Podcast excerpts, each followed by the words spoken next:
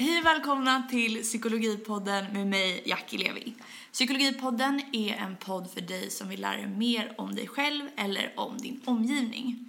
Och för er som inte redan följer mig på Instagram så vore det jättekul om ni gjorde det. Där heter jag också Psykologipodden. Eh, och då kan ni få vara med och önska om saker som vi ska prata om eller ibland så lägger jag upp om det är någon som har någon fråga inför att vi ska spela in ett avsnitt eller så.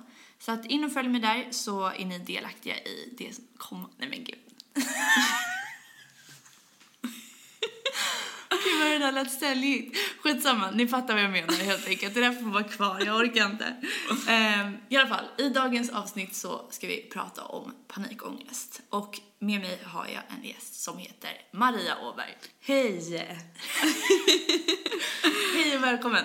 Tack snälla, vad kul att få vara här. De som inte känner dig eller inte vet vem du är, kan de få en kort liten intro till det? Ja, jag heter uppenbarligen Maria. Jag är 26 år gammal. Eh, jag är från Stockholm, som man hör. Skäms alltid över min grova stockholmska. Eh, just nu jobbar jag på ett fackförbund, eh, men annars så är jag väldigt... Eh, jag går på mycket fotboll och hänger mycket med hundar. Yummy! Gör det? Ja. ja. Ehm, ja, men det är väl mig. Så, kort. Fotboll, hundar, jobb och, och fackförbund. Ja, exakt. Precis, och du, eh, jag kände ju dig för att eh, du är tillsammans med en av mina killkompisar. Yes. Så jag har i alla fall fått höra via honom, eh, bland annat, och även lite från dig om att du har, och, eller har haft kanske, panikångest. Men kan inte vi börja från början? Så här, när började det? Ja, alltså jag har funderat mycket på det nu när jag skulle komma hit. Och ehm, jag har svårt att... Jag kommer ihåg min absolut första så här, grova attack. Sen tror jag att jag hade så här, eh, problem... Jag hade ju uppenbarligen problem med oro och ångest när jag var yngre.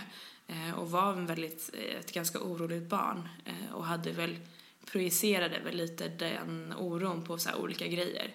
Jag var väldigt rädd för att min mamma inte skulle komma hem med mig på dagis till exempel. Jag hade fått super eh, jag hade verkligen fått för mig att hon skulle kidnappas. Alltså, jag, man liksom projicerar på någonting bara. Eh, men jag, det var liksom ingen panikångestattack på det sättet utan det var mer ångest som var eh, verklighetsfrånvänd som någonstans blir eh, en panikångestattack sen när man blir äldre, kändes det som. Men jag eh, kommer ihåg min första panikångestattack när jag gick i gymnasiet och då var vi ute, eh, jag och några kompisar reste till Gran Canaria. Ja, du vet, kul. Eh, där man liksom... Trodde vi. Ja, tro, trodde jag och mina kompisar. Sen förstår du. Nej, så får man inte säga. jag, eh, nej men det var liksom ett, recept som var ganska dömt att misslyckas. Man sover lite, man äter eh, dåligt, man dricker kanske lite alkohol och sådär. Så att kanske efter fem dagar, tror jag det var, eller något sånt där, så bestämde jag mig för att jag skulle vara nykter en kväll. För att eh, jag eh, helt enkelt ville ehm, jag kände att jag var liksom lite orolig i kroppen men hade väl ingen aning om egentligen vad det innebar. Men så slutade det med att jag satt på en restaurang med jättemånga av mina kompisar och kände att jag var väldigt instängd. Och sen började de jag satt med prata om något obehagligt. Eh, jag tror att det var någon så här Youtube-film eller någonting som jag verkligen fick en reaktion på. Så jag gick ut och ringde min mamma och sa jag vet inte vad som händer i min kropp just nu. Jag känner mig helt liksom borta. Vad var det du kände då? Eh, men jag kände, dels man känner att man, ehm, man blir helt verklighets, det känns som att verkligheten inte är verklighet. Det känns liksom som att det är någon, någon rubbning. Man, man har inte kontroll över situationen och kroppen bara börjar reagera på det. Och eh, jag blev väldigt skakig och hjärtat började slå och sen så, alltså det kan ju till och med vara så att man, man tror att man eh, ska dö typ. Men jag fick inte riktigt det för jag ringde till mamma då som hade lite koll och hon sa att det kanske är det. Eh, att det kanske, du kanske håller på att få panikångestattack vilket gjorde att om jag inte hade vetat det så hade jag nog kanske, det hade kunnat bli värre liksom för att då hade jag kanske trott att det verkligen var, gud jag är sjuk, som väldigt många ändå upplever som första attack. Men det som hände var då att hon lugnade ner mig, sen gick jag in på toaletten eh, och sen kom jag ut igen och så tittade jag mig omkring och så kände jag bara så här, det är ingen här som förstår mig. Och då kom allt tillbaka igen. Så då tog jag tag i någon kompis, nu kommer jag inte riktigt ihåg det här för man gör oftast inte det. Men jag tog, eller ofta, jag vet inte, jag upplever i alla fall det. Tog jag tag i en kompis som typ bar mig hem på något sätt, alltså inte bar mig men liksom jag stötte mig mot henne eh, och jag började hyperventilera och sen kom vi hem och då började jag bara så här kräkas typ. Eh, jag var helt nykter, det var liksom mer konstigt det var bara rent så här, kroppen bara, vi måste förlösa den här ångesten på något sätt. Så då började jag kräkas och sen så eh, tror jag jag var liksom helt utslagen efteråt. Det var en jättekonstig situation, verkligen. Och jag kommer nog aldrig glömma det. Så. Kommer du ihåg hur det kändes efter, alltså dagen efter när du vaknade? Mm. Nej, det var fruktansvärt. Jag ringde till min mamma och bara, du måste fixa en biljett hem. Jag kan inte vara här på plats för att det som hände var att jag kopplade ihop allting runt omkring mig med den här känslan och blev inte av med den förrän jag kom hem på något sätt. Så hon bokade en biljett hem och du? Nej, utan hon sa försök att vara kvar nu för att hon hade ändå lite aning om att eh, om, jag kommer, om jag åker hem så jag liksom flytt från det lite.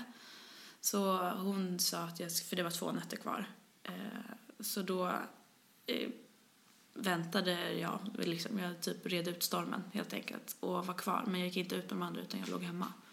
Eh, och bad min bästa kompis som också var där, eh, jag bad henne vara hemma med mig för att eh, jag visste inte riktigt vad jag skulle ta mig till annars på något sätt. För att jag, jag var så ovan vid känslan av att inte ha kontroll eller inte att liksom eh, uppleva eh, att jag var med. Alltså det är jättesvårt att förklara, att man bara känner att man inte är med. Att, alltså är det någon typ av så här overklighetskänsla? Ja, men helt så. Alltså jag kan inte förklara på ett annat sätt. Jag, jag trodde, man tror också, eller man, jag trodde verkligen att jag aldrig skulle bli av med den känslan. Eh, men att jag skulle ha lättare att göra det om jag kom hem. Men så jag började planera för min hemkomst liksom för att man har ju något trygghetssök så jag tänkte så här, när jag kommer hem ska jag titta på det här på TV, jag ska typ äta den här blåbärspajen eller vad som helst, någonting som jag kunde finna den tryggheten i. Att så här, där, där hemma är det som vanligt typ. Var det som vanligt sen när du kom hem? Ja, det var som vanligt i några, några veckor. Eh, och sen så några veckor senare så åkte jag till eh, Berlin med, med, med skolan. Och då hade jag liksom inte en tanke på att det här skulle komma tillbaka för jag hade liksom jobbat bort det på något sätt. Jag hade glömt bort att det där hade hänt. Och då satt jag på en middag återigen och eh, tänkte att eh, tänk om det skulle komma tillbaka. Och då kom det tillbaka. Och då var jag tvungen att gå hem igen. Då blev det inte så att jag fick en eh, superutvecklad panikångestattack eh, utan jag låg och skakade typ och tryckte undan det ett tag liksom. Vad menar du med tryckte undan? Eh, man försöker tänka på annat eller liksom eh, det är jättesvårt att förklara men man håller tillbaka det på något sätt. För att känslan är ju att om jag släpper ut det här typ odjuret så dör jag eller någonting hemskt händer. Eh, så att det jag gjorde var att man liksom ligger och tänker typ eh, koncentrera sig på något annat så här, typ, ah, där ser mina händer, de skakar, okej, okay, hur mycket skakar de? Alltså, man skapar sina egna sätt att hantera eh, och kontrollera det man alltså, känner för att kroppen är ju bara överväldigad på något sätt av vad som händer. Mm. Ja, för det du beskriver är ju väldigt vanligt. Alltså dels att man tror att man håller på att bli knäpp eller att man mm. håller på att bli galen eller mm. att man håller på att tappa kontrollen. Liksom. Precis. Att man ska dö är ju också vanligt, men det ja. måste ju inte Nej. Alltså, som Nej. du sa.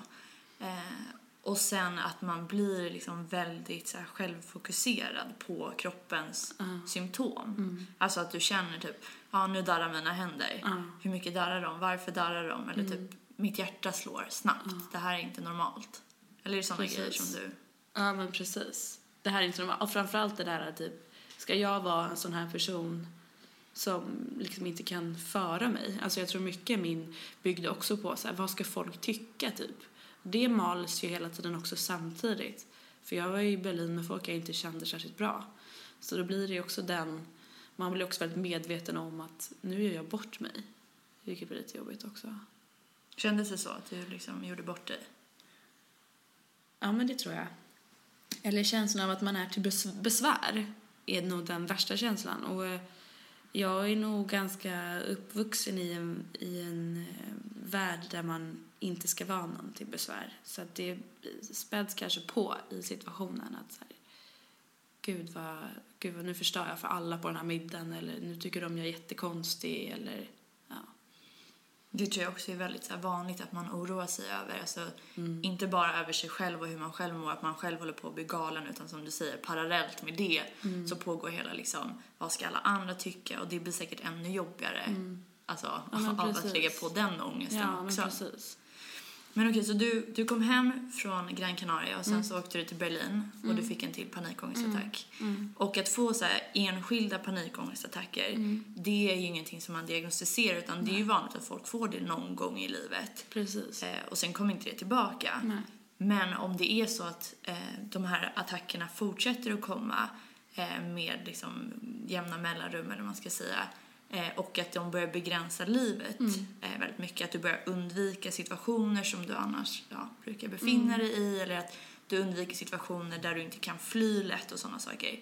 Då kan det vara att man utvecklar paniksyndrom. Precis. Och det var det du gjorde sen. Ja, alltså det där var ju i gymnasiet och sen så eh, slutade jag resa då. För jag kopplade ihop panikångesten med att resa. Eh, så då slutade jag eh, att typ röra mig. Jag kunde knappt resa i Sverige. Eh, och sen så när jag då kände att nu börjar det här gå över så började jag ändå eh, kunna hantera det lite och kanske började jag och min dåvarande pojkvän tog så här en en egen behandling, KBT, av att eh, åka så här två, tre dagar till London. För jag tyckte London var spännande. Men, liksom, men det kunde egentligen hamna om, eh, alltså vi kunde ändå hamna i att vi kanske låg på hotellrummet för att jag hade sån ångest. Eh, eller var så rädd för panikångestattack. Men det var senare, eh, i, sen när jag gick på universitetet, som, jag, som det blev för mycket. Där det blev så här vardagligen Eh, panikångestkänslor, brukar jag säga. För jag hade inte en panikångestattack varje dag, men jag hade det hela tiden i mig. Hela tiden gick jag runt med det. Vilket slutade med att jag Alltså jag kunde ju inte gå på föreläsningar om jag var tvungen att sitta i mitten. Jag satt alltid på kanten för jag kunde liksom, behövde ta mig ut.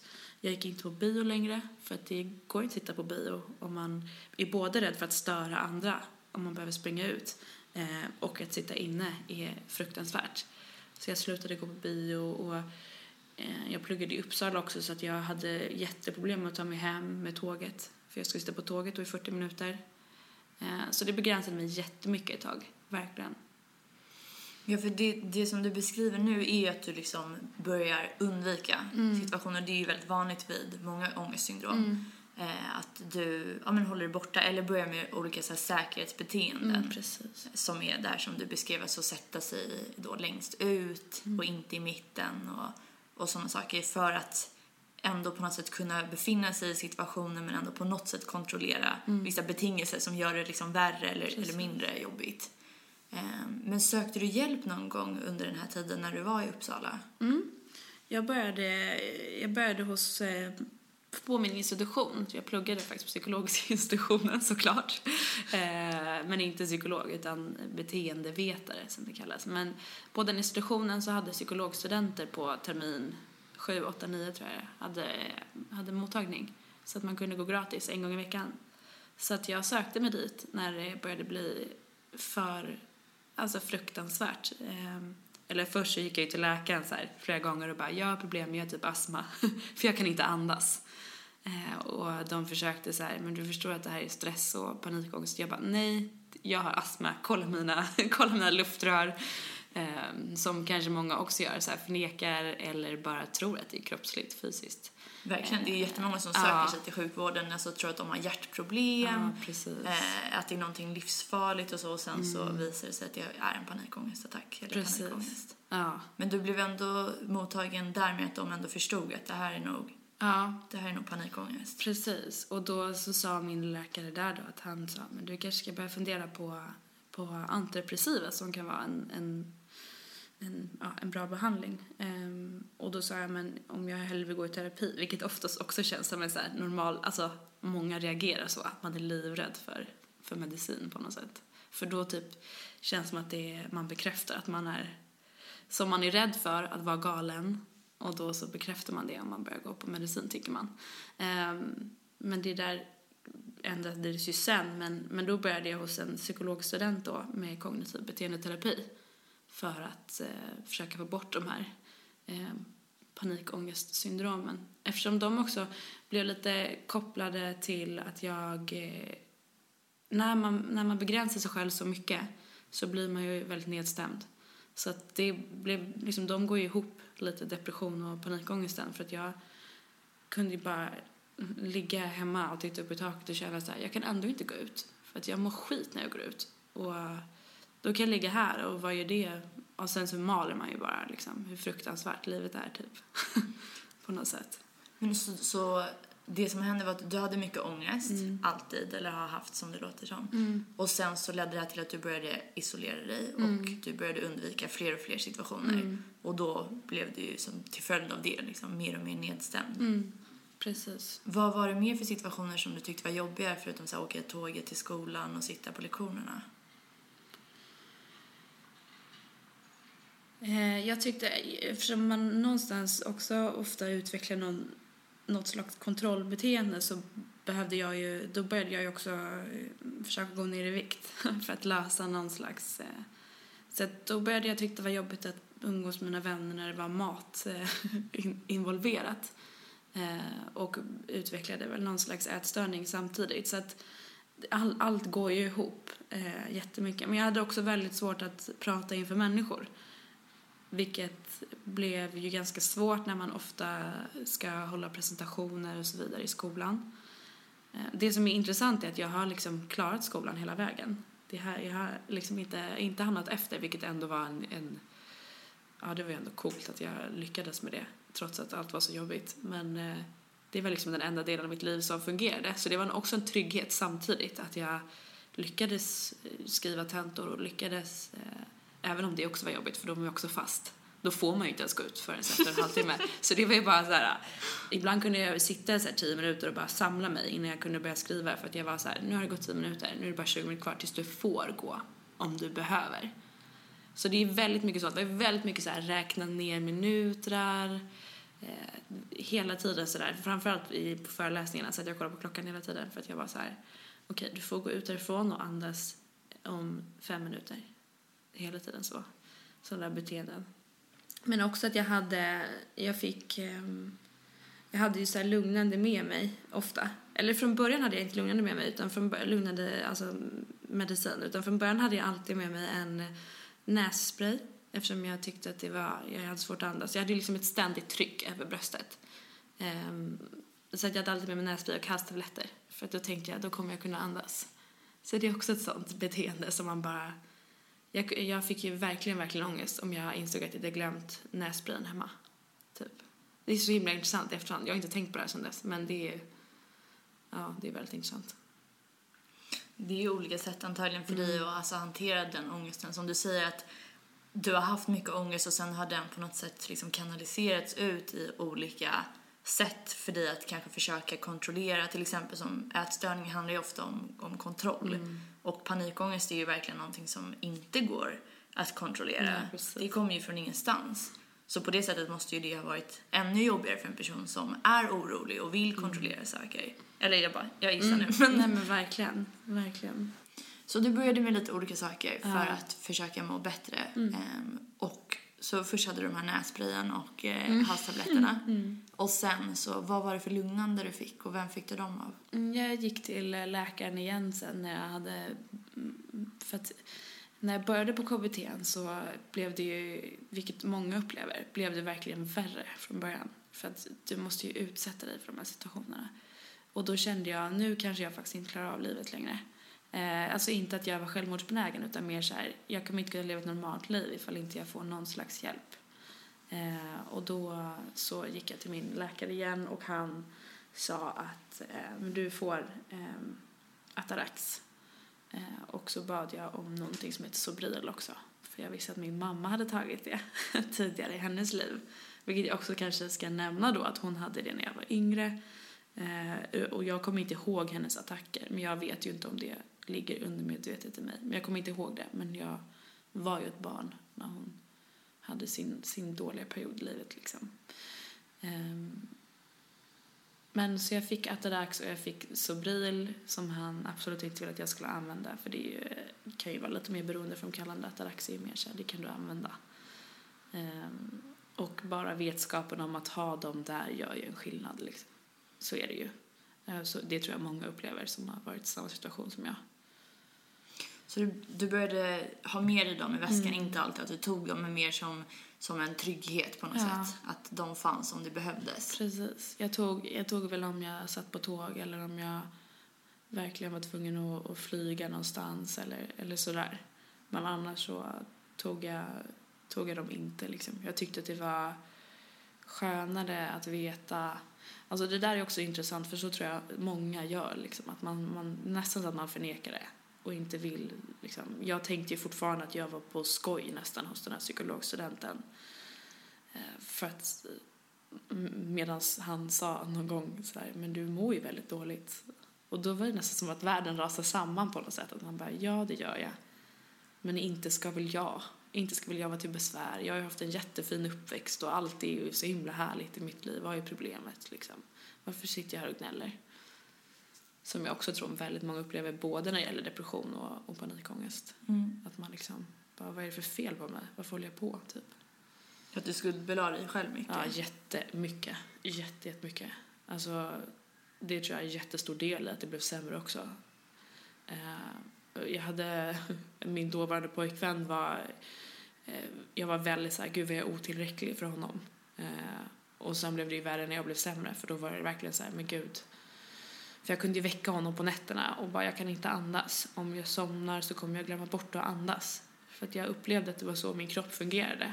Att jag var tvungen att hjälpa den att andas. För att jag, jag kunde liksom vakna av, ja men du vet den här och den var inte bara för att jag hade vaknat av en mardröm utan det var för att jag upplevde att jag inte hade andats. Ungefär. Låter vidrigt. Ja, det var vidrigt verkligen. Men var det någon som såg, alltså för att om man är en sån person som inte vill, eh, vad heter det, inte vara till besvär, ofta vara till lags och så. Då kan det ju också bli så att man inte vill eller vågar be om hjälp. Så var det någon i de, din omgivning då, förutom din pojkvän, som såg dig och såg att liksom, du mår fan inte bra? Alltså jag tror att jag, jag mina närmsta kompisar bodde ju i, eh, i Stockholm.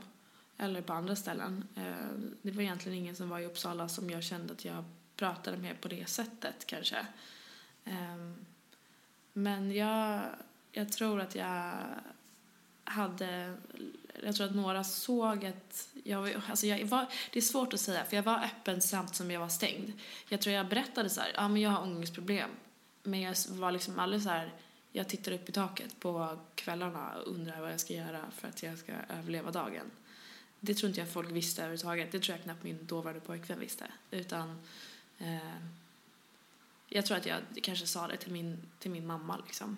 Och jag pratar väldigt mycket om min mamma men jag, hon har ju varit väldigt viktig i, i, mitt, i min tid att bli bättre. För hon, en sak som jag liksom alltid kommer ta med mig som, som hon sa till mig var att, för jag sa så här, "Ja, det här kommer aldrig bli bättre. Och hon sa, jo det kommer absolut bättre och du kommer komma ut ur det som en starkare och bättre människa. Vilket jag tror att många, jag hoppas att många upplever också i efterhand när man har kommit ur den värsta tiden att man är mycket mer empatisk. Man kan lyssna på andra människor på ett helt annat sätt och är förstå, har förståelse för människor på ett helt annat sätt oavsett om det handlar om panikångest eller om det handlar om andra psykiska besvär. Um, ja, och det, det tror jag kommer jag alltid med mig och det säger jag alltid till folk jag möter också som mår dåligt liksom. Min mamma sa det till mig. Så hon visste. Och det har väl hänt också att jag, när det blev, när det var som värst, att pappa ibland åkte och hämtade mig också. Eller de två åkte och hämtade mig när jag liksom låg på, på golvet i min lägenhet i Uppsala och inte orkade ta mig upp typ. Men jag tror att många, om vi säger så här, mina kompisar som kanske lyssnar på det här i efterhand, tror jag inte visste att det var så här dåligt. Det tror jag inte. Som det var. Minns du om det var för att det var ingen som frågade eller för att du valde att liksom berätta lite saker men inte allt eller en kombination? Nej, men det var nog att jag inte berättade allt. Det tror jag. Och sen tror jag många såg, eh, eller många, vissa, jag tror vissa såg ätstörningen som problemet. Eh, men jag ska inte tala för dem kanske, men jag tror att många trodde att det var det som var mitt problem när det kanske egentligen det bara var en effekt av en massa annat. För det är alltså med många ångeststörningar, eh, och i och för sig många andra psykiatriska diagnoser också, så är det ju så att alltså det syns ju inte på utsidan. Alltså om, om jag satt bredvid dig på din lektion, då skulle jag säkert inte ha någon aning om att i ditt huvud så pågår det just nu liksom krig. Och du bara räknar ner sekunderna för att få lämna det här klassrummet. Och det tycker jag, som du säger, alltså i efterhand när man har mått dåligt eller träffar många som mår dåligt så får man ju en helt annan förståelse för hur saker som till synes kanske är så här, ja ah, men shit, du är ju bara på lektionen. Någonting som någon annan kanske inte ens behöver reflektera över. Men som du själv eller ja, någon annan i din klass kanske bara shit, den, det går all energi just nu till att den här personen bara sitter ner här. Mm, precis. Och det tycker jag också ger verkligen så en, ja men att man känner mer empati inför personer för man har ingen aning om hur jobbigt det är för dem att vara i en situation som bara för att den är enkel för dig inte är enkel för dem liksom. Exakt. Exakt. Alltså så var det ju verkligen att alla som träffade mig i efterhand som när jag kom ut i det här eh, som sa men gud du är ju alltid så himla glad och härlig vilket känns typ också så här det är så jäkla klyschigt att säga för så är det ju alltid att folk bara jag kunde aldrig tro det om dig men så var det verkligen man kunde aldrig tro det om dig om mig liksom jag var skitbra på att skådespela det tror jag väldigt många blir faktiskt och eh, det var verkligen sådär när man kunde när jag kom hem från en föreläsning så var jag ju helt slut för kroppen var ju bara så här, du har varit på helspänn. Även om det handlar om två timmars föreläsning så är det så här, du har varit på helspänn. Alltså verkligen. Din kropp bara, jag har faktiskt varit ute i krig. Ja men verkligen, verkligen. Tråkigt. Ja. Och det är bara måndag liksom. Ja men Fan. exakt, exakt. Och ikväll måste jag gå på bio. Nej, fruktansvärt. Men blev det så att, att du eh, började liksom, eh, hur såg rutinerna ut i ditt liv under den här tiden? Blev det viktigt för dig att, liksom, hur sov du, hur drack du och sådana saker? Eh, Jag vaknade väldigt, väldigt, väldigt tidigt på morgnarna. Eh, Så att, för efter, när det var som allra, allra värst, då åkte min dåvarande pojkvän iväg på en långresa. Och det som hände då var att jag såg det som någonstans min chans att både kontrollera min ätstörning ännu mer, eller inte kontrollera utan kontrollera vad jag åt ännu mer och eh, att så här, bara ta hand om mig själv typ och försöka komma ur det här. Vilket gjorde att jag hade ganska ensamma rutiner eh, under den, den tiden. Så ofta så vaknade jag runt fem och då eh, låg jag och läste och det som är sjukt idag är att så här, det där var typ min bästa tid på dygnet när jag vaknade så där tidigt och låg och läste. För att jag vaknade ju av att kroppen var jätteuppstressad. Eh, och då kunde jag helt enkelt eh, bara så här, vara lugn i att ja, men föreläsningen börjar inte förrän om några timmar. Du kan, du kan ha din tid nu liksom. Eh, vilket gjorde, och sen så gick jag upp och så mätte jag upp vad jag skulle äta för att jag skulle kunna räkna 100% kalorier. Och sen så ibland så gick jag till föreläsningen och ibland så gjorde jag inte det. Men oftast gick jag dit, eh, överlevde den.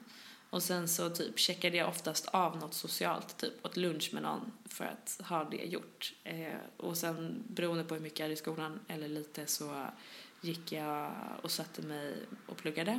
Oftast med någon annan, för det var lite jobbigt att plugga ensam tyckte jag. Um, vilket är intressant för att jag ville vara ensam i alla andra delar i livet. Eh, och sen gick jag och tränade. Och sen gick jag hem och åt typ inget mer. Eh, och sen så ja, gick jag och la mig jättetidigt för jag var ju svintrött eftersom jag var... Jag hade aldrig problem med att somna, men jag vaknade ju. Jag kunde ju vakna flera gånger eh, om nätterna, men framförallt när jag vaknade efter tre, då kunde jag inte somna om liksom. Så att det var, jag hade väldigt mycket sömnproblem också under den tiden. Men så såg det ut Mm. oftast. Vad var det som var jobbigast under den här perioden när du tänker tillbaka på den nu? Det jobbigaste var nog att jag inte kunde vara i sammanhang som jag tidigare hade älskat. Att vara, alltså sociala sammanhang. Ehm, Jag kommer ihåg nyår det året var, alltså det var så fruktansvärt för att då visste jag att jag inte skulle kunna ta mig från den middag jag var. För att så här, man, går, man kan inte få en taxi på nyår. Jag var med min pojkväns eh, kompisar så man vill ju att de ska tycka om en och att man ska vara normal. Eh, det var alkohol inblandat. Jag hade också en, det är också intressant för att jag hade en, ett sätt att hantera det på att här, innan, innan den första känslan av panikångesten kom så skulle jag dricka min första drink För att då fick jag det oftast inte. Alltså det var ju också ett sånt beteende som är lite obehagligt idag kan jag tycka. Men, eh, för om jag väl hade tagit min första drink så då hade jag hunnit slappna av innan tankarna kom. Men om jag däremot hade så här, glömt bort det eller något annat, bara så här, stått ut med ordning väldigt länge och sen så kommer dit och så är det bara att sätta igång med, med vad jag nu skulle göra, en middag eller vad det var, då kunde det vara negativt. Så att jag var tidig med att ta min första drink för att så här, komma in i det typ modet. Så att panikångesten bara, aha, okej, okay, du är redan där typ. Okay, I'll be back later. Ja men precis, förstår du? Jag förstår, alltså, det låter som att du började men vilket jag också tror är väldigt vanligt att, att man eh, börjar dricka för att eh, få kroppen att slappna av. Mm. Alltså jag vill inte säga att jag gjorde det för all... Egentligen så gjorde jag det aldrig efter att jag hade fått en känning. För då var jag så jävla osugen. Så mådde jag dåligt under, en, under några dagar där det var så här fruktansvärda dagar, då drack jag aldrig. Då ville jag absolut inte dricka. Utan det här var mer när det var liksom så här ja men, eh, vi kommer säkert prata om förväntansångest men det var ju alltså så här, om det till exempel var nyår eller en midsommar när man liksom ska ha kul och det ska vara så himla härligt och så. Då, då var jag tvungen att göra det tidigt så att ja, det var lite blandat liksom. Mm. Men okej, så det var den här nyårsaftonen. Mm. Vad var det som hände då? Men det, det var, jag kommer ihåg att jag, det var också så här, jag var orolig för den i flera veckor. Och, eh, Inför alltså? Ja, precis. Och det var så himla jobbigt för att det var en sån situation som jag tidigare hade älskat att vara i. Ja, men så här, jag älskade min pojkväns, eller jag älskar eh, dem fortfarande, men älskade min dåvarande pojkväns kompisar och eh, ja, men så här, tyckte det skulle vara så kul. Och det är, där, det är det där mycket ligger, att man är så här, varför inte jag mig själv? Marisa, jag känner till skulle älska den situationen. Varför är du orolig för den? Eh, ungefär som när det blev samma sak med resor. Att man säger men gud, alla älskar ju att resa. Varför har du ångest i två månader innan du ska åka iväg på en resa? Även om du bara är en helg, typ. Kändes det som att du typ hade förlorat en del av dig själv? Hundra procent. Alltså verkligen. Jag hade... Det jag hade att komma med var mitt sociala och jag tappade det. Och då blir man det blir ännu mer nedåtgående. När man känner att man börjar tappa att kunna vara med med stora sammanhang eller sådär. Och sen, oh gud nu kommer jag att tänka på ett till tillfälle när jag faktiskt, eh, när jag blev så jävla förvånad. För att jag satt hemma och kollade på Så mycket bättre mm, och bara så här, vände mig till min pojkvän och bara, jag kan inte andas just nu. Och jag hade liksom inte varit i den situationen där jag hade haft panikångestattacken hemma. Utan jag hade haft känningar för att svårt att andas. Jag hade haft trycket på bröstet men jag hade liksom inte haft det här äh, att jag bara kände att nu reagerar kroppen på riktigt. Så då var han tvungen att så här, typ, ja, han, jag tror han tog ut mig eller någonting för att jag var helt borta liksom. Men då var jag också så jäkla chockad för då var det så här, kan jag inte ens få ha en hemmakväll? Så där var det verkligen så här vändpunkt att jag bara, nu måste jag göra någonting åt det här för jag kan inte leva så här, att jag inte ens kan vara hemma. Liksom. Var det då som du började med så du nämnde förut att du började äta antidepressiva, eller ni, ni pratade om att börja äta mm, antidepressiva. Precis. Ja, och det gjorde jag nog ganska precis därefter. Ja, jag tror att eh, för min, för den här psykologstudenten ville gärna inte att jag skulle göra det för han ville ju att jag skulle gå KBT och, och sådär. Jag hade dock svårt att ta till mig alla övningar och allt som man skulle göra för att det var så, jag vet inte, det var så jobbigt så att jag, jag jag började till slut med en låg dos och eh, jag tror inte jag hade klarat av den tiden annars faktiskt. Om jag ska vara helt ärlig. Eh, jag tror att det gjorde att jag kunde ta till mig KBT.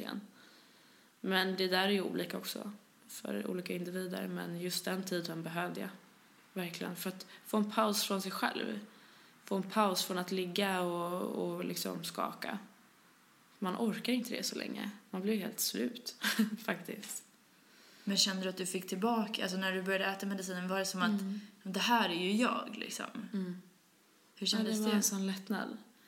Alltså det var en sån lättnad. Det tog några månader för mig att bli så pass bra att jag kände mig som mig själv igen. Men ja, det var, ja, det var, jag kan liksom, ibland så ler jag när jag tänker på det nu, hur det var för mig. Att bara, men gud, jag är liksom, tänk att jag kan leva så här med tanke på hur dåligt det var då.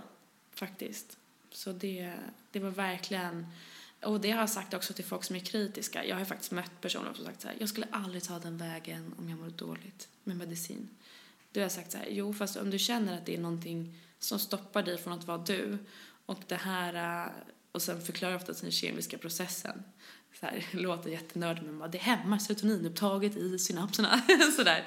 Eh, som, det, det är en medicin mot en sjukdom på något sätt. Precis som att man tar medicin för annat så tog jag det för att kunna vara mig själv igen.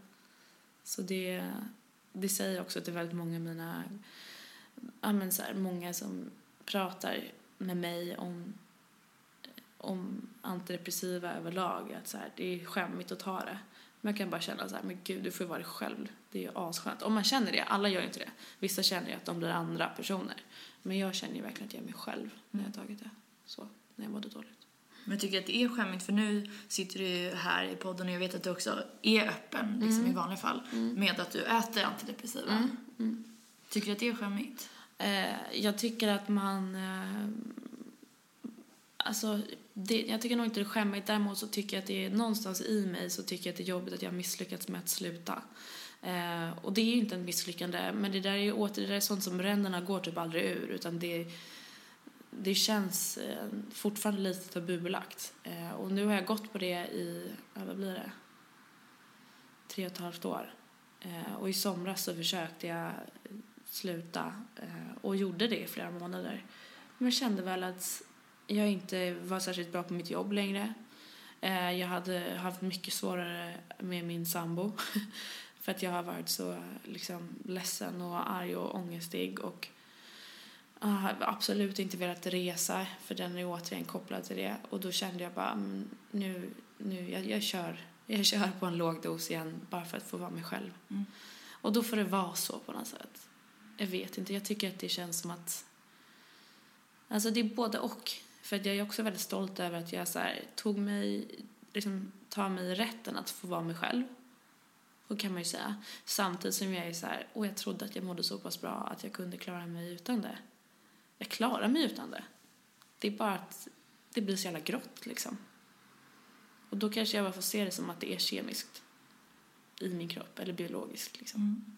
För du är ju extremt stark som har tagit dig igenom allt det här och det är svårt att förstå för andra personer kanske hur liksom bara en sekund kan vara så jobbigt att ta sig igenom mm. som du har beskrivit att det var.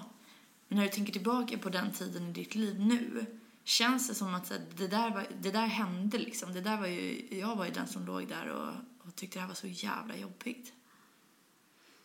Jag tror att jag inte riktigt kunde känna att så här, oj vad sjukt det där. Alltså jag kunde inte koppla mig själv till det innan jag slutade igen nu i somras. Eh, för då fick jag ju tillbaka känslor som jag inte hade känt på de åren. Så nu kan jag nog ändå förstå det bättre och känna att ah, det där var jag och, eh, och så. Men, men före det så var det verkligen så här, gud vad sjukt, gud vad jag aldrig kommer gå igenom det där igen. Vad sjukt det där tiden i mitt liv var. Och vad liksom, vad hände? Men, eh, ja. Du sa förut att eh att till att börja med så, så kanske du inte ville äta medicin för då skulle det innebära att, liksom, jag, att det var någonting så här, ja, då är jag sjuk. Mm. Liksom. Mm. Eh, hur ställde du dig till den frågan sen när du väl började äta medicin? Alltså jag är så tacksam för att jag gjorde det. Jag tror att det är det bästa beslutet jag tagit i mitt liv. eh, och det är säkert jätteindividuellt, men för mig var det livsavgörande tror jag. För jag har också som sagt så var jag aldrig självmordsbenägen men jag har ju haft en, en känsla av att om jag ska leva med det här så är det inte, då kan jag, och kommer jag inte orka leva hela livet. Så tänkte jag, mm. för att det skulle bli värre. Och jag tänkte väl, ja, då får vi se om jag finns om tio år, typ. Men den tanken var också väldigt ångestfylld så att den kastade man ju bort också. Men eh, i efterhand så, så tänker jag ju på den och, och, och ser det som att det som avgjorde var att jag började på antidepressiva. För då kunde jag också börja ta till mig alla övningar i KBT. Ser du det som en sjukdom nu? Eh, nej, det skulle jag nog... Gud, vad intressant fråga. Men det skulle jag nog inte kanske göra. Mm. Eftersom jag inte idag lever med det dagligen, eh, egentligen. Ja, men det var en svår fråga. Om det är en sjukdom generellt eller om det är en sjukdom för mig? Eh, för dig? Mm. Nej, men det tror jag inte jag gör faktiskt. Jag, fast samtidigt så är det ju en, en del som jag nog alltid kommer att leva med, tror jag. Jag kommer nog alltid ha svårt för vissa saker i livet. Eh, och jag kommer kanske en längre period till i alla fall behöva gå på antidepressiva. Så att, och det kanske är att jag måste gå på medicin, kanske är en del av en sjukdomsbeskrivning. Men jag, jag tänker inte på det i sådana termer ändå. Jag tänker att det är en del av mig mera, Mm. men kanske inte som en sjukdom. Mm. Mm.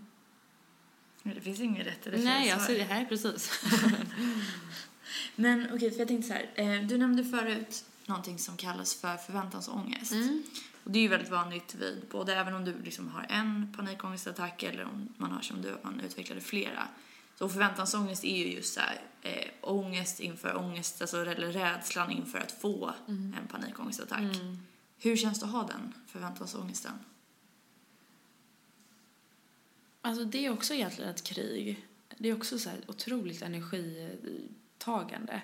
För det, du, du jobbar hela tiden mot dig själv.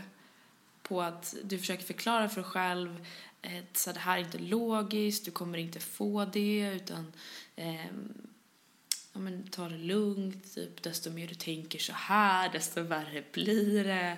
Eh, Det är ju verkligen att man, man känner sig ju så himla irrationell, verkligen. eh, så att det, det är ju inte liksom på den nivån att man, eh, man, man inte vill göra det, eller jo det är det i och för sig verkligen ofta. Ehm, Känner du så fortfarande? Eh, inte sen jag började på antidepressiva igen. Men eh, jag kände ju det nu till exempel att jag ska resa på en lång resa nu efter jul. Och då var det ju när vi bokade den så var jag fortfarande i, i dåligt mode så att säga. Och då kände jag verkligen så här, jag kommer inte klara det. Jag får se om jag åker. Kanske inte gå på planet liksom. Men för att jag, jag liksom kände redan då, för flera månader sedan, den förväntansångesten. Men, men nu när det är bättre, eller när jag börjat igen, så känner jag inte så. Så skönt. Ja, ja, men det är jätteskönt. Men jag tror att vissa delar skulle jag nog känna ändå. Alltså jag tror att skulle jag visa att jag skulle ta en resa på flera månader i ett land jag inte kände till eh, och inte hade någon känsla för, då hade jag nog ändå kanske inte, då hade jag nog mått dåligt liksom. Mm. Mm. Men så medicinen har hjälpt och KBT Mm. har hjälpt. Vad var det liksom du fick göra i terapin? Mm. Och jag fick göra så mycket roliga saker. Och jag var ju så himla... Tyckte du det då? Nej, fy. Nej, gud, usch. Jag har faktiskt tittat igenom de papperna eh, igen och du vet, känner känslan av att så här, fy fan vad jag tyckte det här var jobbigt alltså. Ehm, nej, men vad jag fick göra i KBT. Jag fick läsa kapitel i olika böcker. Det var så här hemläxa varje vecka. Och det var ju ganska häftigt att man, man fick, jag tror inte så jättemånga får gå varje vecka som jag fick göra. Jag gick en timme varje vecka. Ehm, för att det, liksom, det var det de, de erbjöd. Eh, och de som går privat eller på andra, på andra sätt får ju oftast inte gå varje vecka om man inte är riktigt dålig. Jag hade nog inte fått det om jag hade gått eh, en annan väg än att gå hos en student. Um, vilket man kanske ska tillägga också, han hade ju en handledare såklart som, så att vi spelades ju in också. Ja, det är ju sånt som jag gör också Ja, alltså, i precis. skolan. Ja, precis. Så att det är inte freestyle utan det är ju Nej. super, alltså det som är, jag kan bara tillägga att Ja, det, det. finns på de flesta eh, universiteten som har ett psykologprogram, då finns det även en studentmottagning. Eh, och det är som du säger, det är inte alltid gratis men det är väldigt reducerat pris. så Det kan vara typ 100 kronor eller något sånt där och sen går det på högkostnadsskyddet. Ehm, och då får man träffa någon som antingen är psykologstudent eller psykoterapeutstudent. Eh, så då har man ju då som student bara en klient som man verkligen vill hjälpa. Så det är ju en ganska unik situation och sen får ju vi då handledning av personer som är mycket mer erfarna. Eh, så att även om, ja, alltså om det är så att man inte har råd till exempel att gå privat eller inte kan få en remiss av sjukvården så är det ett väldigt bra alternativ. Men sorry, nu hijackade jag. Nej, men Jag bara sålde in psykologisk institution. Men jag tyckte också, varför jag brukar sälja in den grejen också är ju dels för att man, som du säger, att man, eh, man, man vet ju att den man möter verkligen så här kommer ha fokus på dig och vill hjälpa dig för att den personen vill ju lyckas. Liksom. Men också för att jag tyckte det var skönt, återigen till att koppla till det här med att jag inte var till besvär, det var att det var en win-win situation liksom. För Alltså, han du kände fick ju... att, att du gjorde liksom honom en Nej, men han fick ju också. också han fick ju också någonting att liksom bita i. nej men det sa han faktiskt efter, i efterhand så här. Ja, nej, inte att jag var någonting att bita i utan för att jag vill ju så här, jag är ju en sån som vill liksom kolla efteråt alltid så här, ja men typ hur gick det här då? För när, så när vi hade vårt sista samtal, jag bara vad vill du göra sen? Typ, han bara, men jag vill jobba med, med liksom psykologi typ fast på företag typ. Ja, något sånt. Och jag bara, men gud, då måste jag ha varit så jättekonstig liksom, eh, grej för dig. Bara så här, superpanikångest och depression och allting liksom. Han bara, nej men jag, jag har inte, alltså du har lärt mig mer än jag någonsin har lärt mig hela mitt liv tidigare. Så att det är så här, och det brukar jag alltid säga till folk som är så här oroliga, bara, men det är jättekonstigt att gå till student, den kanske lika gammal som jag, bla bla bla. Bara, ja men det är ju värsta win-win situation liksom. Det är ju superhärligt. Ja, och sen så alltså, kan jag säga från min sida. alltså, ehm, att jag förstår om du, alltså det kanske hör till din personlighet att tänka så att så här, Mm. ja men jag, om jag ska göra det här då vill jag faktiskt att den andra personen också ska få ut någonting av det här för att jag vill inte vara till besvär liksom. Eh, men det är inte så att, eh, alltså, i alla fall inte jag tänker att när du kommer in genom dörren då liksom win-win. Då tänker man ju verkligen, gud jag vill verkligen hjälpa den här personen. Ja. ja men vetskapen om att, att jag vet att du tänker så är ju skitbra för mig. Och säkert för många andra också. Okej, vi släpper det här. Det blev invecklat. Ja, nej, Okej, men du fick läsa kapitel? Jag fick läsa kapitel och jag eh, fick eh, göra övningar hemma. En grej som jag gjorde tror jag hela året var att jag fick ett papper som var som en tabell typ. Eh, och sen så skulle jag tänka typ den värsta tanken för dagen. Eh, skatta den. Så att mellan 0 och 100. Vad kunde det vara för tankar? Eh, det kunde vara, jag kommer förstöra middagen på fredag hemma hos bla bla bla. Eller ännu mörkare, typ. Jag kommer aldrig komma ur det här. Det beror på vad det var för dag liksom. Eh, så skattar man den och sen tänker man på den i eh, 15 minuter. Men man skattar under tiden. Så om jag tänkte på den en minut så skattar jag. Tänkte på den två minuter, skattar igen. Och sen så lite, kort, lite längre intervall. Men jag var ju tvungen att tänka på den i en kvart. Eh, vilket såklart var fruktansvärt. Men också tar udden av det. För att du blir ju uttråkad av tanken efter ett tag. så det är en jättebra... Det kan jag faktiskt ibland också känna. Typ om det är jättestressigt på jobbet.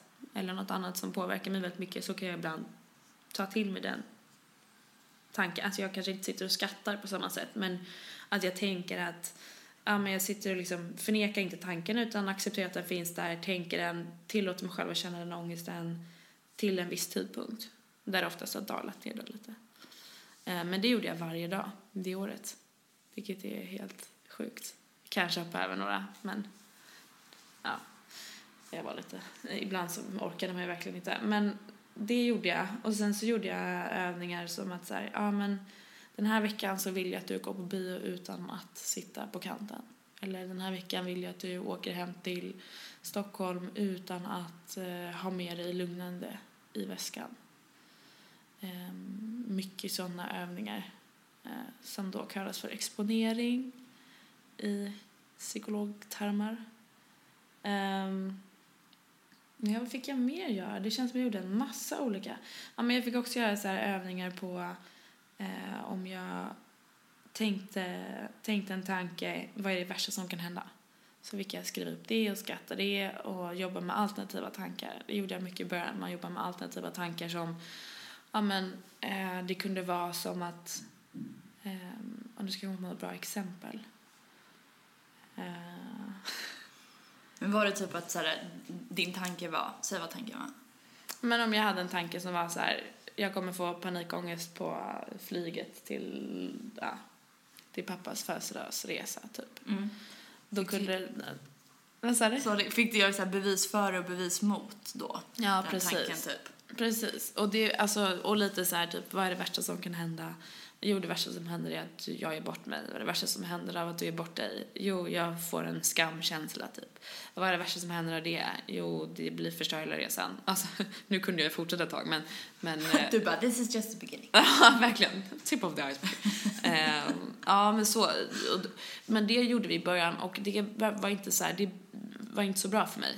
Um, utan då ändrade vi till att bara så acceptera tanken, typ. Vad var det som inte var bra med det? Det skapade nog rätt mycket ångest och skapade, eftersom jag då kunde komma på de här alternativa tankarna, eh, för då var det ibland så här, du kommer inte få panikångest på flyget. Och då var ju det någon slags tröstgrej också, vilket ju också är farligt, att man lägger sin trygghet i att kunna tänka en sån tanke, för då liksom, det här kanske du kan förklara bättre än vad jag kan i och för sig. Men att om jag, om jag har de här tröstgrejerna så upprätthåller det bara min ångest istället för att jag liksom lever mig igenom den mm. på något sätt. Ja, alltså jag antar att det är som det där vi pratade om tidigare med säkerhetsbeteende. Precis. Och sen så inom KBT pratar man ju om så här vidmakthållande funktion, eller ja. Så heter det, just det. Mm. Yes, jag hade tenta på det för Nej, jag skojar. eh, nej men vidmakthållande faktorer till exempel. Så ja. att då skulle det kunna vara att du tänker den tanken. Alltså att, ja, att det inte ska hända. Och, och sen så efterhand då när det inte händer så, så attribuerar du, eller du tänker liksom okej okay, men nu, händ, nu fick jag ingen panikångestattack mm. för att jag tänkte den tanken. Mm. Då blir summan att ja, då måste jag alltid tänka den tanken. Ja. Och så så blir det så. Fortsätter ja, problemet precis. Och det kanske är lättare att förklara med min nässpray. Att så här, varje gång jag har haft nässpray i väskan så har jag kunnat ta den och så får jag inte panikångest eller jag får inga andningssvårigheter. Och då känner jag, har jag inte med mig nässprayen, då får jag ju, alltså då, då liksom, då, det, då blir det åka av på mina känslor liksom. Så att det är ju kanske en tydligare, eh, vilket gick ju koppla väldigt mycket till det här med alternativa tankar för mig. Så att då fungerade inte riktigt det. Och då började vi med den här, eh, med sättet att, att tänka tanken och bara låta den vara där och bara acceptera den. Och sen gjorde jag övningar med, eh, så där, ja men ja, den här veckan så ska du andas i sugrör i ett halv, en halvtimme eller du ska hålla andan, en halvtimme, lugn och fin, halv minut. Det låter typ farligt. Ja, verkligen så här, sluta med att jag bara ligger på sjukan. Eh, nej, men, eller psykolog så. Jag ska bara förklara varför man gör det. Det låter ju assjukt alltså, om man inte vet varför. Ja, precis. Jättebra. Mm. Uh, nej men för att uh, alltså det som händer när man har panikångest det är att man får väldigt många kroppsliga symptom. Mm. Eh, och då så börjar man också undvika saker som påminner om eller ger samma symptom. Till exempel, eh, du kanske slutar träna för att du inte vill få hjärtklappning eller du eh, slutar dricka för att du inte vill inte få yrsel eller känna dig snurrig eller eh, ja, men alla sådana saker. Så att genom att då exponera sig eller utsätta sig för till exempel att andas genom ett sugrör, vilket ju gör att det känns som att det är svårt att andas, eh, och det påminner ju dig då om ja, upplevelsen av panikångest, så är tanken att se att det här är ju inte farligt. Nej, precis. precis. Sorry, så du satt och andades i en halvtimme? en halv minut. Och hålla andan fick jag också göra. Ehm, och fick, I en halvtimme skitläskigt. Eh, men, men och sen också fick jag göra övningar hemma om typ, ja men så här, när det började komma, hur skulle jag göra då? Jag fick öva jättemycket, en grej som jag faktiskt också fortfarande gör ibland, den är, jag fick ju göra mycket mindfulness-övningar så. Eh, och mindfulness handlar ju om att liksom känna vissa stimulin, kan man säga det? I, är det någonting man förstår? Eh, nej men förklara vad du menar. Ja men olika sätt där man, som man, liksom, man kanske inte lägger märke till i vanliga fall som man sen när man liksom har den här mindfulness-tekniken då, att man, man lägger märke till det. Och för mig blev det mycket att jag, eh, när jag började känna eh, så här andningssvårigheter så kunde jag verkligen sätta mig ner, blunda och bara fokusera på hur det kändes när luften gick in i min näsa typ. Eller munnen eller vad man nu ville. Men jag har liksom alltid haft att jag känner i näsan hur det känns. Och det kan jag också fortfarande göra om jag ska föreläsa idag eller så. Så kan jag ibland när man får ett påslag liksom, nervositetspåslag så, så gör jag den grejen för att det är ett sätt för mig att bara fokusera på en grej och inget annat. Mm. Eh, och det är också någonting som jag tror är bra generellt mot stress. Eh, att vara med i nuet på något sätt och ja, men många gör det när de ska sova till exempel. Att man känner hur det känns i tårna när man spänner dem och slutar spänna dem. Alltså, så den sortens eh, jobbar det jättemycket med också. Så det handlar ju mer om att liksom lägga märke till snarare än att tolka. Mm, precis. Eh, för det är ju också, alltså det är ju väldigt vanligt panikångest. Det är ju att du, alltså en feltolkning mm. eh, av dina kroppsliga sensationer. Alltså att, varför slår hjärtat fort? Eller så här, jag får inte luft. Och det, det är egentligen ingenting farligt. Och det är viktigt att veta om man har panikångest, så man kan inte dö av en panikångestattack. Det är inte farligt att få en panikångestattack, även om det är jävligt obehagligt. Eh, och dessutom så går de över, alltid. Det kan ju ta olika lång tid, men, men sådana saker kan ju också kanske vara sköna att tänka ändå när man är i den stunden, att så här, det, här, det här kommer inte liksom hålla i sig. Men när du har fått panikångest, jag har bara hört någon gång av Sebastian, för vi pratade om din, ja, med din pojkvän då. Jaså, kommer det fram. har han spridit rykten? Nej. Bara, Nej, jag har frågat. Nej, men eh, ehm, jag kommer inte exakt ihåg vad det var vi pratade om, men det var om panikångestattacker och jag tror jag frågade typ så här, vad gjorde du i, vad har du gjort i de situationer du har varit med när Maria har fått en panikångestattack? Och då så beskrev han det som att liksom, när du får en panikångestattack då är du liksom helt, det, det är bortom kontroll liksom. Eh, och vi fick in en fråga eh, från en lyssnare eh, som undrade just, eh, jag ska ta upp och kolla exakt vad den sa så att jag inte hittar på någon egen fråga nu. Så här, hur hjälper man en vän med panikångest? Vad skulle du säga, V- vad vill du att Sebastian eller någon av dina kompisar gör i den stunden? Mm. Alltså, jag tror att ehm, när jag hade det tidigare i livet så brukade jag oftast så här, varna mina kompisar om vi hade någonting som jag då hade förväntansångest inför. Alltså, vi skulle, jag kommer ihåg en situation specifikt som var när vi skulle på en studentskiva. Um, och då så sa jag till min bästa kompis att om jag liksom verkar som att jag försvinner eller börjar må dåligt eller hyperventilerar så, så fråga mig typ vad jag åt till middag igår. Um, och det är ett sätt, man kan ju nästan säga det som att det är ett sorts slags flyktbeteende också för att det är ett sätt för mig att så här, bara av, ehm, um, ja, men så här, ta bort fokuset. Uh, men om det är sådana tidpunkter där man verkligen inte liksom, man har inte, vad ska jag säga, man har inte riktigt råd att så här, ta sin terapistund med det då eh, så tycker jag att det har, har det ändå varit en, en, ett, ett hjälpmedel. Ehm, och jag har också varit med om en situation där en av mina kompisar satt hemma hos mig och drack kaffe och sen bara okej, nu vet jag inte vad som händer och liksom och då körde jag exakt den också så här. Vad åt du till middag igår och ha, vem, vem var med på den middagen eller sådär. Och han blev ju helt ställd. Han bara, varför fan frågar du det för? Men då var det också ett sätt för honom att bli av Alltså, det var också ett fokus bara, fan vad konstigt det är som frågar det typ. Eh, men just när det har varit så här att det där oftast i för, liksom i för, vad ska man säga? Stadiet, precis. Eh, av det. Men är det liksom redan pågående så har jag nog, alltså då upplever jag att det Sebastian då har gjort det är väl kanske att han har pratat väldigt lugnande med mig, gjort liksom olika, ja men så strykit mig över huvudet och även om inte jag kanske verkar som att jag märker det så, så reflekteras ju det någonstans som ett lugnande, någonting lugnande i mig. Men jag kan inte svara för vad alla andra vill ha såklart, men jag kan utgå från mig själv och då är det att man kan avleda det eh, om det är tidigt, om det behövs liksom. Men är det redan inne i det så, så är det bara att vara lugn och, och stabil själv. Alltså det värsta som finns ju någon annan som blir panikig och bara Vad händer? Vadå? Man bara okej. Sämst Du bara, lugna dig för fan, jag håller på att ha panikångestattacker. Kan du chilla? Kan det få handla om mig för en gångs skull? Ja. Nej men det är många, det- vi har fått in ännu fler frågor här faktiskt. Eh, eh, ja, det är många som undrar just om så här, eh, vad gör man om en kompis får det.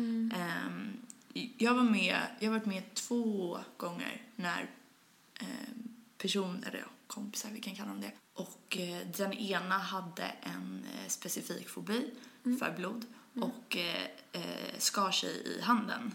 Eh, och eh, jag visste inte att den här personen hade panikångest. Eh, och jag hade aldrig sett en person få en panikångestattack innan. Ehm, så att jag såg på den här personen att nu händer det någonting. Man ser det liksom lite blicken och man ser att liksom någonting händer just nu. Och den här personen sprang in på ehm, toaletten där vi var och jag gick efter då. Och då var det också väldigt mycket andra människor runt omkring. Och då så, jag vet inte om det här är någonting som man ska göra, men då var jag så här, liksom, ni kan gå. Så att det inte blir någon så här, nu ska alla stå och kolla vad som händer. Är det någonting som du känner att så här, jag vill inte att alla bara ska uppmärksamma mig just nu? Ja men det kan jag nog ändå verkligen hålla med om. Eh, och det går ju kopplat till hela den situationen att man är till besvär och att så här, nu tycker alla jag är konstig och så vidare. Så att ja, det tror jag. Och, och alltså desto mer grejer som händer runt omkring en, desto mer stressad blir man ju. Så det tror jag är helt korrekt. Att det är soft att ha, man, man vill inte, man vill bli lämnad ensam, ofta. Men man kanske inte ska det. Utan man ska vara med någon som, som är lugn och trygg och så här, kanske verkar lite van vid att det här händer. Eller så här, inte, inte är dramatisk i det. Mm. Så det, är nog ganska, det var nog ganska korrekt av dig att vara så här, alla andra kan gå, jag vill vara... nu bugar du. Eh, men det tror jag verkligen var en, en helt rätt. Eh, så. Tack. Mm. Jag swishar lite. Ja, bra. bra. Men, så att jag sa till de här personerna liksom gå och sen så är det ju väldigt vanligt när man eh, har panikångest att man hyperventilerar. Eh, och det är ju för att man upplever att man inte får någon luft. Men saken är ju den att när du hyperventilerar, det är då du blir yr.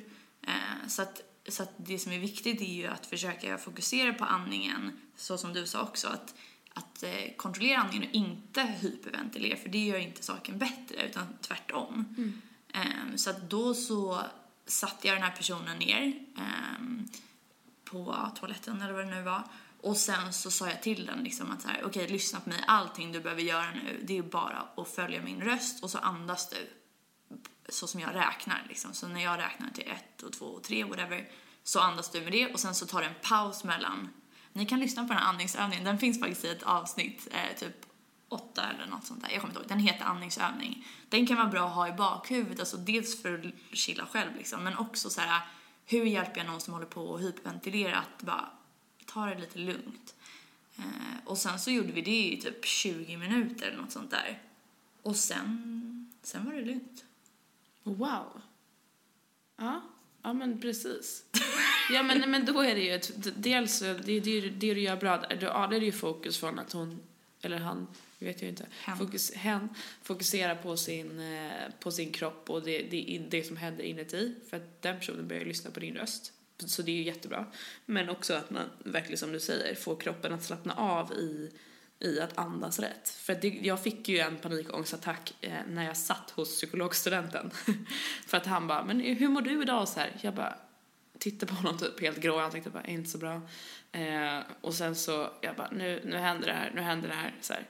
Och då så satte han ju så här, då var ju han precis som du så här supercool och bara, nu ska du bara lyssna på en grej här. Sätt handen på magen. Så jag satte handen på magen och så bara, känner du nu hur du, och sen så precis som du räknar och liksom andas in och jag slutade plötsligt skaka så här, alltså precis så är det ju. Att det finns ju, men andningsövning är väl en toppengrej, verkligen. Lyssna på den.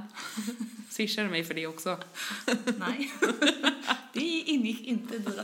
Nej men också att alltså, det är varför du satte handen på magen antagligen för att eh, känna att så här, jag andas ju faktiskt. Ja, ja precis. Ehm, för det är ju vanligt som du säger, alltså, de symptomen, vi ska bara dra igenom dem, det kanske vi borde ha gjort för länge sedan. Ja. Men eh, glömde jag.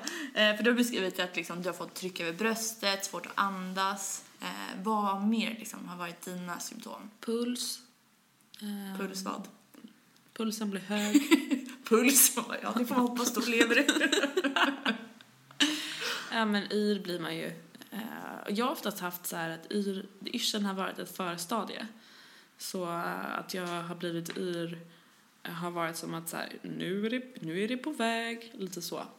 Eh, inte så mycket under själva eh, attacken kanske. Mm. Nu har jag kallat det attack, jag hoppas att det har varit okej. Eh, för jag har ju verkligen känt att det är två olika saker när jag har haft panikångestkänningar och haft panikångestattack. Just det, vi kan ju ta det efter då. Att, Mm. så här, eller vi kan ta det nu. Vi kan Kommer ju glömma av dem. Eh, för känningar, det är ju en sak. Mm. Vad, vad är det? Ja, men det är väl typ förväntansångest, eller det är väl, det kan vara en blandning, eh, eller, eller så kan det bara vara så här, äh, ja men det, någonstans så är det så här en, en förvarning om vad som komma skall, typ. Och då gör man allting för att undvika det. Så är det Eh, typ som jag blir, minisymptom? Liksom. Ja, men precis. Jag blir ju yr. Och då, då blir det så här, men gud, då känner jag en, ehm, att, jag inte, att jag inte är med i, i verkligheten. Det är det, alltså vad var det du sa som var så jävla... Overklighetskänsla. Overklighetskänsla. Vilket... Derelighetskänsla. Vilk- Nej, jag ska inte säga det riktiga Nej. svåra. Det var det redan så. Så försöker jag duktiga. Det är redan. overklighetskänsla. Ja, overklighetskänsla, precis. Och... Det är ju lite så utzoning typ. Ja, men att man bara så här, bara, alltså det blir, gud jag vill liksom visa nu hur det känns men jag typ kryper ihop och blir så här, fan vad sjukt det här är. Alltså att man bara, nej. Great description. Ja, tack snälla, tack snälla. Eh, nej men man blir, jag blir yr och eh, att det, och det gör ju mig rädd vilket bidrar till att det är en större risk för en attack. Mm. Och när jag liksom har lärt mig att sluta vara rädd för den känslan så minskas ju utan då är det bara så här, jaha, nu var jag yr. Okej, punkt, typ. Så ingen vidare tolkning egentligen av Nej, så här. Och nu kommer liksom... Precis. Okej, så det är yrsel. Har du haft så här domningar typ? Jag har inte haft det. Nej. Jag vet att väldigt många har haft det. Jag har inte haft det. Jag tycker, jag har, jag har inte upplevt det någon gång vad jag vet om i alla fall, som jag kommer ihåg. Men det är så himla kul att se dig nu. Dels att du mår mycket bättre än det som du har beskrivit, även fast jag inte kände dig under den här tiden. Men också att i ditt jobb, för det är det jag tycker är så jävla coolt. För att jag tror att många som har, liksom lider så här mycket som du har beskrivit av panikångest, då är det svårt att tänka så här. Jag kommer liksom, någonsin kunna ha ett normalt liv och jag kommer inte kunna jobba med det och det och bla. Alltså alla sådana så här farhågor som jag förstår att man tänker i den situationen. Men nu är ju ditt jobb så super, du är ju ansiktet utåt typ för, för facket. ja, det skulle jag, mina kollegor bara, vad fan. Vad har du sagt, det? sagt att du jobbar med? Ja, precis. Nej men, nej men det är faktiskt väldigt häftigt och det har jag tänkt på väldigt, väldigt många gånger att jag har, jag gick väldigt mycket i, i KBT för att jag hade sån panikångest för just att resa och att prata inför folk. Och mitt första jobb efter min examen sen, um, eller ja, mitt, mitt andra jobb efter min examen blev att jobba som någonting som heter studentombudsman och resa runt i Sverige och föreläsa. Så det var liksom helt, ja men det är väl ett bevis på att KBT fungerar för, för vissa liksom. Ja, det är superhäftigt och det kan jag ibland, så här, vad jag än typ lyckas med i livet så känns det ju som att min största achievement är att ha kommit över den tiden och um, och jag tror inte att jag skulle hamna, jag hoppas inte att jag skulle kanske hamna i samma, jag är mycket mer medveten och mycket mer förlåtande mot mig själv än vad jag var för den tiden. Sen att jag nu har pratat om att jag har haft det svårt att sluta har ju mer varit för att det blev så jäkla grått liksom. Ehm, men jag är väldigt mycket mer förlåtande mot mig själv och respekterar mig själv mycket mer än vad jag gjorde under den tiden. Mm. Och det kommer jag också ihåg som ett så breakthrough typ under min terapi var att en gång kom jag hem och så kände jag mig helt värdelös. Eh, och sen så började jag gråta eh, för att jag mådde dåligt liksom. Eh, och så sa jag typ så högt bara stackars dig eller någonting sånt där. Och när jag sa det till min alltså psykologstudenten då, han bara gud vad bra. Jag har aldrig hört dig liksom säga synd vad synd det är. Du bara liksom har varit så här, ja men så här, varför kan jag inte bara skärpa mig? Varför kan jag inte bara ta mig i kragen? Utan att jag bara, vad synd det är om dig. Så här, sa det till mig själv. Så sen utvecklade jag multipla personligheter. Nej, jag skojar. Det tar vi ett annat avsnitt. Men, så- nej, men, men så är det ju, menar, för att det hade det varit, det har vi pratat om tidigare också, att man är ju oftast väldigt hård mot sig själv, speciellt jämfört med liksom hur man skulle vara till en kompis. Eh, och man måste ju försöka på något sätt öva upp att ha det förhållningssättet till sig själv, alltså det som man har till andra människor. Verkligen.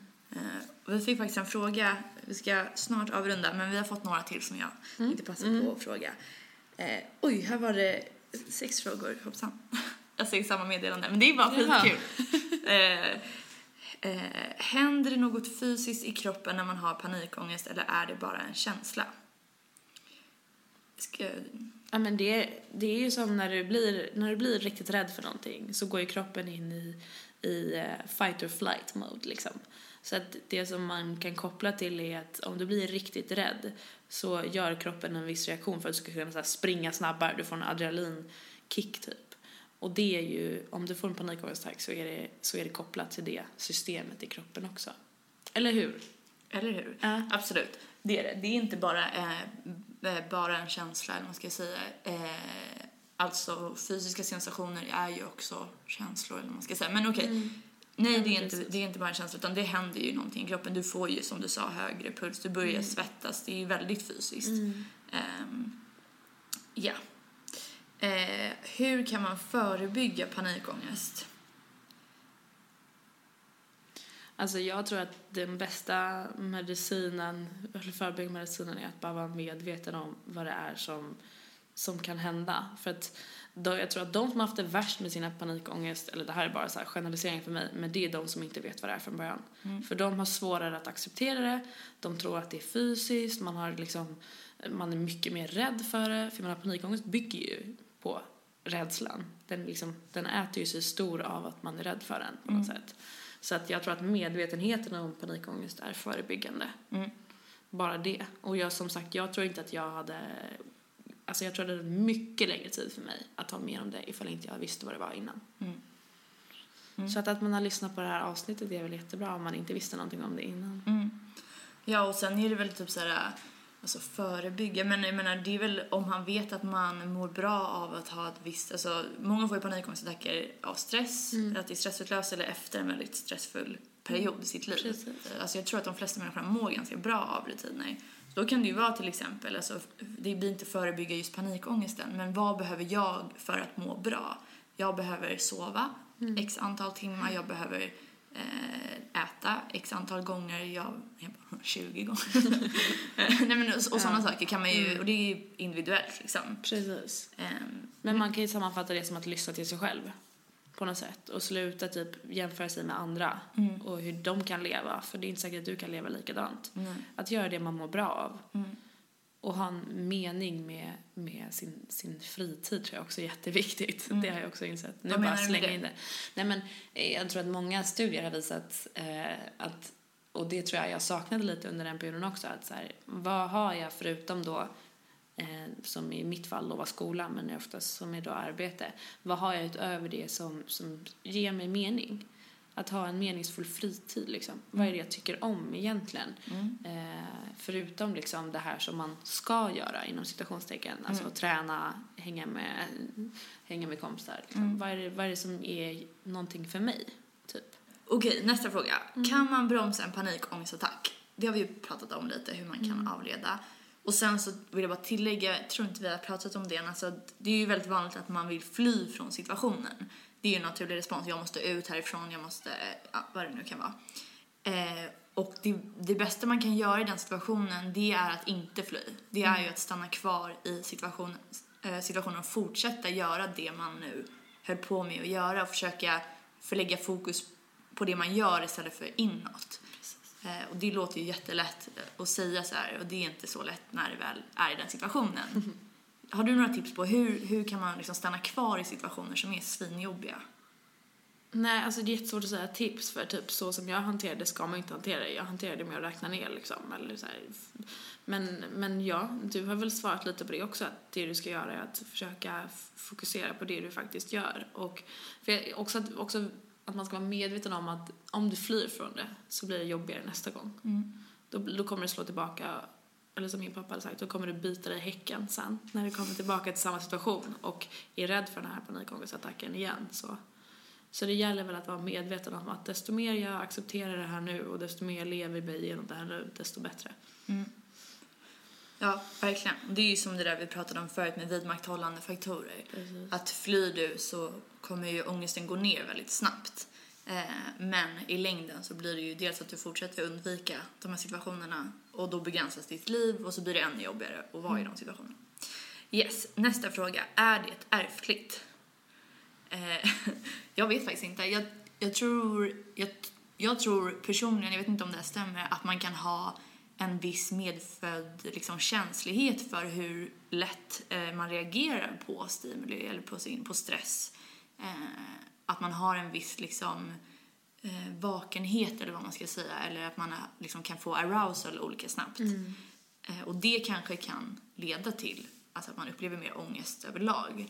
Panikångest, om det är specifikt ärftligt tror jag inte, men det vet jag inte.